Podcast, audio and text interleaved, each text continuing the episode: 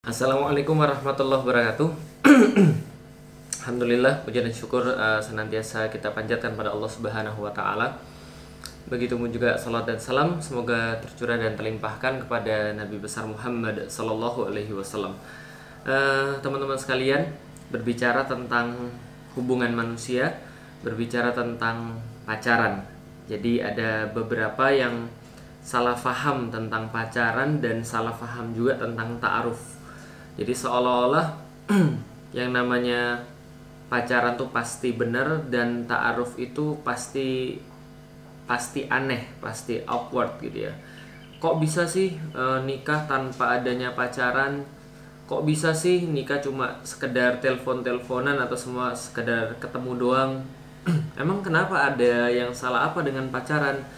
E, emang kenapa pacaran dibilang salah? Nah, jadi gini teman sekalian Sebelumnya saya sudah nulis buku tentang ini, judulnya Udah Putusin Aja. Udah dipublis uh, beberapa tahun yang lalu dan sempat kemudian jadi pembicaraan juga. Dan di situ saya sudah jelasin banyak hal tentang yang namanya pacaran, tentang yang namanya hubungan antar manusia yang namanya pacaran. Dan ini pasti banyak diomongkan karena ini adalah bulan Februari, katanya Februari adalah bulan cinta gitu ya dan seolah-olah kalau tanpa pacaran itu udah pasti kering. Udah pasti kita nggak punya cinta kita nggak punya kasih dan seterusnya.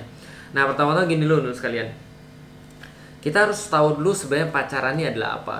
Uh, saya sebagai anak muda tentu saja pernah mengalami yang namanya cinta. Ya toh orang-orang tua juga tahu lah pasti ada yang namanya cinta. Cinta itu fitrah cinta itu murni cinta itu putih cinta itu normal, cinta itu sesuatu yang wajar. Karena itu tidak ada yang salah dengan yang namanya cinta. Semua orang pasti mencinta. Semua orang dari ujung timur sampai ujung barat itu sudah diinstal pada mereka sesuatu yang default itu adalah namanya rasa kasih sayang. Dan itu diakui juga di dalam agama mana pun di dalam Islam juga sama. Zuyyina linnasi hubus syahawati minan nisa wal banin wal qanatiril muqantarati minadz zahabi wal fiddah dan seterusnya. Sesungguhnya telah ditanamkan kepada kalian Allah hiaskan kepada kalian manusia itu adalah hubus syahwat rasa cinta kasih dan sayang. Itu adalah sesuatu yang biasa. Rasulullah Shallallahu Alaihi Wasallam adalah orang yang sangat mencinta kepada manusia, kepada istrinya, kepada anaknya dan seterusnya. Allah Subhanahu wa taala mensifati dirinya dengan Ar-Rahman Ar-Rahim dengan rasa kasih dan rasa sayang yang besar dan tak terbatas permanen selama-lamanya kepada makhluknya khususnya bagi orang-orang yang muslim. Ini adalah kemudian rasa cinta juga yang diakui di dalam agama.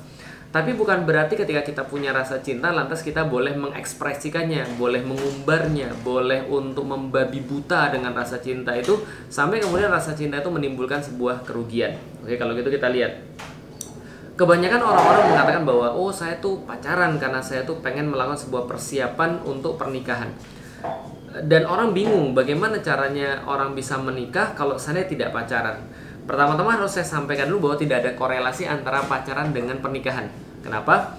Karena kalau seandainya ada korelasi antara pacaran dan pernikahan seperti judul uh, apa namanya judul uh, penelitian gitu ya, korelasi antara pacaran dan pernikahan gitu kan ya. Uh, hubungan antara pacaran dan pernikahan. Maka kan kalau kita bicara ada korelasi, misalnya contoh lamanya pacaran menyebabkan lamanya kenalan, uh, lamanya kenalan menyebabkan langgengnya pernikahan misalnya tapi kenyataannya kan nggak begitu. Contoh misalnya, negara-negara yang sudah membebaskan pergaulan di antara laki-laki dan wanita, termasuk di dalamnya pacaran bahkan lebih tinggi daripada itu, nginep bareng, lalu kemudian bersetubuh bareng lah ya, segala macam bareng lah. Belarusia, Ukraina, Rusia, Amerika dan seterusnya. Itu ternyata tingkat perceraiannya di atas 50%, bahkan mungkin 80%. Kenapa? Karena ternyata lamanya pacaran tidak menyebabkan mereka lama juga dalam pernikahan, tidak langgeng dalam pernikahan. Bahkan yang terjadi justru lebih banyak akhirnya orang-orang tuh merasa ya kita nggak perlu nikah dong kalau gitu. Kan semuanya juga sudah kita bisa nikmati gitu ya. Ngapain kita nikah lagi? Dan kalaupun mereka nikah, ternyata tidak menjamin mereka juga punya kecocokan dalam pernikahan. Artinya orang pacaran belum tentu mengenal satu sama lain. Pas mereka udah nikah, buh ini kayak some, uh, somebody else gitu kan ya. Ini adalah orang yang berbeda. Ini benar-benar orang yang nggak saya kenal gitu kan ya. Mendadak kemudian dia jadi uh, seseorang yang sama sekali berbeda totally different gitu kan. Ini adalah banyak orang-orang yang yang melakukan seperti itu. Tapi juga kita tidak mengatakan bahwa orang yang nggak pacaran menjadi langgeng. Nggak juga begitu sebenarnya. Jadi saya cuma mau ngasih tahu aja tidak ada korelasi sebenarnya antara pacaran dan kelanggengan daripada pernikahan. Yang terjadi justru ketika orang banyak berpacaran uh, data membuktikan justru mereka juga cerai justru mereka juga tidak langgeng dalam pernikahan. Ada juga orang bilang ya nggak apa-apa having fun gitu loh maksudnya di dalam hidup. Masa hidup ini uh, kering-kering aja nggak having fun? Itu kan aduh gue nggak bisa bayangin. Ya kan sudah dibilang tadi orang tuh tidak selamanya dapat kenikmatan dapat fun gitu dari yang namanya pacaran. Justru yang terjadi adalah banyak aktivitas-aktivitas di sini yang yang berbahaya aktivitas-aktivitas yang justru merusak jadi kalau kita mengatakan bahwa kita sayang sama dia, maka kita harus pacaran sama dia.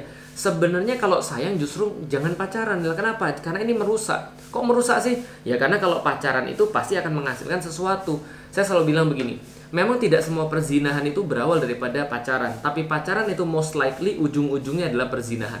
Kok bisa begitu sih? Ya karena laki-laki punya rasa, perempuan pun punya rasa. Ah itu lu aja kali yang mesum, ya enggak juga sih. Coba kita lihat nih. Orang kalau pacaran ngapain sih? Oh, mohon maaf saya tuh nggak ngapa-ngapain kalau pas pacaran. Ya kalau nggak ngapa-ngapain, ngapain pacaran? Ya pasti ada dong sesuatu kan gitu kan ya. Oh iya deh, saya cuma pegangan tangan doang kok. Ya nggak mungkin. Nah kalau cuma pegangan tangan doang ya, kalau andai kan baru pacaran tiga hari pegangan tangan, tiga minggu pegangan tangan, saya percaya. Tapi kalau sudah pacaran tiga tahun, empat tahun terus masih pegangan tangan doang, mubazir dong. Gitu kan. Jadi gini, eh, laki-laki uh, pasti punya rasa kalau laki-laki normal ya pasti punya rasa. Maka kalau Anda sudah pacaran 3 tahun lalu kemudian cowoknya cuma pegangan tangan doang, saya sarankan itu diperiksakan ke psikiater. Kenapa? Itu berarti bisa jadi cowok yang nggak normal. Lah kenapa? Karena dia cuma mencukupkan pegangan tangan doang. Cowok kalau normal pasti punya rasa dan pasti pengen lebih daripada pegangan tangan. Pasti. Makanya itulah kenapa kejadian-kejadian yang sama selalu terjadi ketika orang berpacaran ujung-ujungnya ya nggak jauh daripada itu. Gitu kan ya? Uh, minimal minimal orang yang selesai pacaran mereka bilang itu mantan gue itu bekas gue. Nah kenapa? Pernah gue pegang tangannya pernah gue ya nggak tega lah saya ngomongnya. Nah itu itu minimal seperti itu. Dan laki-laki mana pun kalau seandainya beli barang pasti pengen barang baru dong. Gitu kan ya? Dia nggak pengen yang second dia nggak pengen yang sudah di test drive dan seterusnya. Uh, tapi ketika proses pacaran minimal ini terjadi dan bagaimana kemudian ketika sudah terjadi pernikahan? Karena dunia ini nggak adil teman-teman sekalian. Cowok dan cewek itu diperlakukan berbeda. Cowok itu dinilai dari masa depannya, sedangkan cewek dinilai daripada masa lalunya. Bisa bayangin nggak sih? Pas terjadi kemudian perkenalan pranikah, e, besoknya sudah e, bukan besok lah, pekan depannya sudah mau nikah, tempat sudah dipesan, makanan sudah dipesan, catering sudah ada, orang tua sudah setuju, semua sudah siap. Tiba-tiba seorang cewek ini nggak bisa menahan masa lalunya, dia ngomong sama laki-laki itu mas saya mau confess nih mas.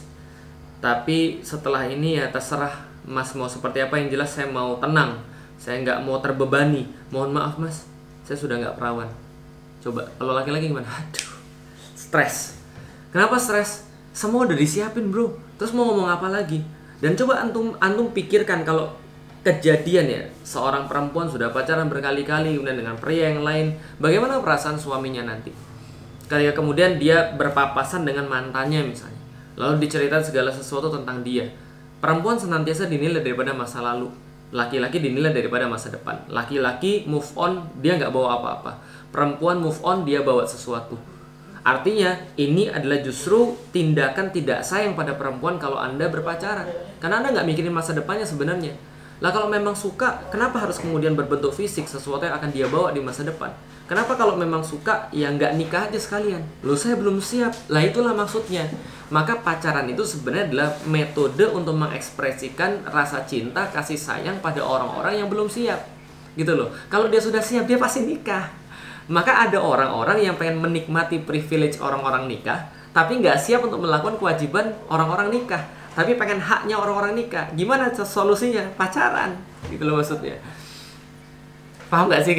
Saya ya kalau nggak paham nasib lo kan gitu kan ya. Nah itu itu yang kita lihat bahwa ini adalah ada ada banyak hal yang berbahaya.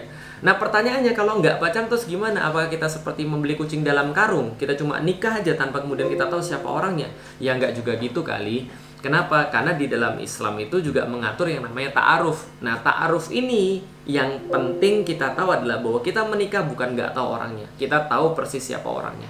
Kita tahu persis siapa dia.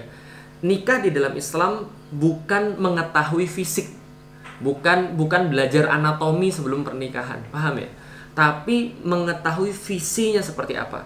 Ketaatan dia kepada Allah sehingga kita nyaman kepada dia ketika kita taat dengan Allah dan dia taat dengan Allah maka rumah tangga insya Allah akan baik-baik saja. Kenapa? karena itu cinta segitiga. Kita mencintai sesuatu yang sama. Kita sama-sama mencintai Allah karena itulah kita bisa sama-sama saling mencintai. Itu maksudnya. Artinya pernikahan di dalam Islam itu juga ada ta'arufnya, ada perkenalannya, ada kemudian mencari kecocokannya ada melihat kita suka atau nggak suka, kita cenderung atau nggak cenderung dengan orang yang akan kita nikahi.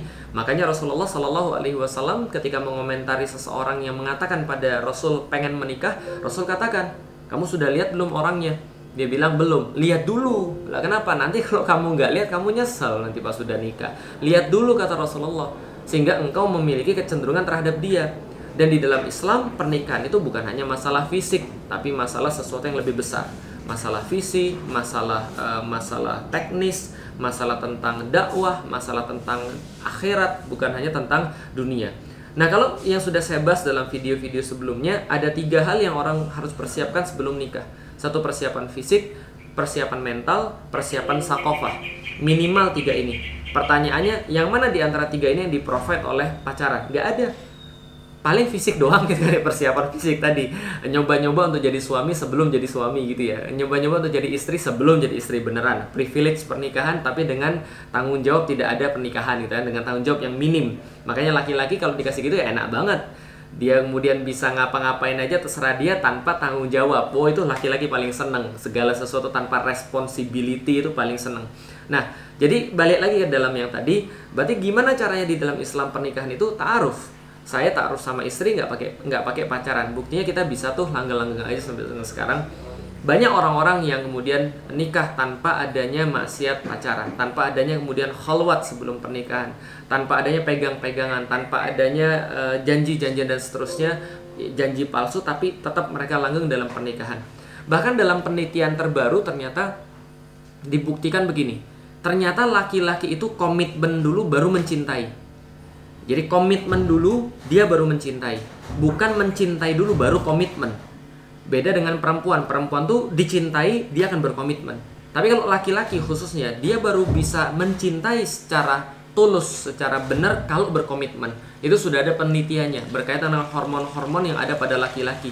Artinya laki-laki kalau nggak dikasih komitmen happy, nggak dikasih komitmen, nggak dikasih responsibility, nggak dikasih tanggung jawab, wah enak banget. Itu ibarat kayak apa ya? Kayak pergi ke rest area. Pergi ke rest area lalu kemudian mampir memenuhi keperluan keperluannya terus pergi. Karena dia nggak ada tanggung jawab sama sekali. Beda dengan beli rumah. Kalau beli rumah itu dia akan memutuskan dengan benar-benar apa yang kemudian yang dia harus lakukan kemudian setelah dia putuskan dia akan kemudian bertanggung jawab di situ. Itulah seorang laki-laki.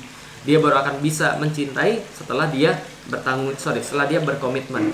Jadi pertanyaannya adalah kalau seandainya pacaran ini adalah main-main saja untuk orang yang sering main-main, untuk orang yang senang main-main, untuk orang yang nggak peduli tentang masa depannya, untuk orang yang nggak serius dalam masa depannya, untuk orang yang nggak siap dengan masa depannya, sedangkan pernikahan itu seriusan bener-beneran. Pertanyaannya adalah kalau pacaran tuh main-main dan nikah itu seriusan, kamu mau dimainin atau kamu mau diseriusin? Artinya adalah ya kalau misalnya kamu merasa kering, mungkin tuh selama ini karena kamu nggak deket dengan Allah, bukan karena pacaran. Buktinya banyak tuh orang-orang yang jomblo visabilillah widih gayanya gitu atau uh, apa lagi? Uh, apa namanya? Jomblo sampai sah. Apa lagi? Muda sampai muda mulia segala macam lah. Ternyata mereka nggak ada masalah tuh. Lah kenapa? Karena Allah berkata zuyyina linnasi hubus syahawati minan nisa wal banin wal qanatiril muqantarati minadz zahabi wal fiddah wa khayl musawwamati wal an'ami wal hath. Dzalika mataun hayatid dunya. Lalu kemudian Allah sampaikan wa indallahi husnul ma'ab. Wa indallahi husnul ma'ab. Sesungguhnya kalian banyak yang mencari kebahagiaan itu pada wanita. Sesungguhnya kalian banyak mencari kebahagiaan pada anak-anak. Harta perniagaan sawah ladang eh, hewan-hewan ternak segala macam kekayaan emas dan perak. Tapi wallah sesungguhnya pada Allah wallah indallah Indahu husnul ma'ab. Allah indahu husnul ma'ab. Sesungguhnya pada Allah di situlah terdapat tempat kembali yang paling baik yaitu adalah kebahagiaan yang selama ini kita cari, sakinah yang selama ini kita cari.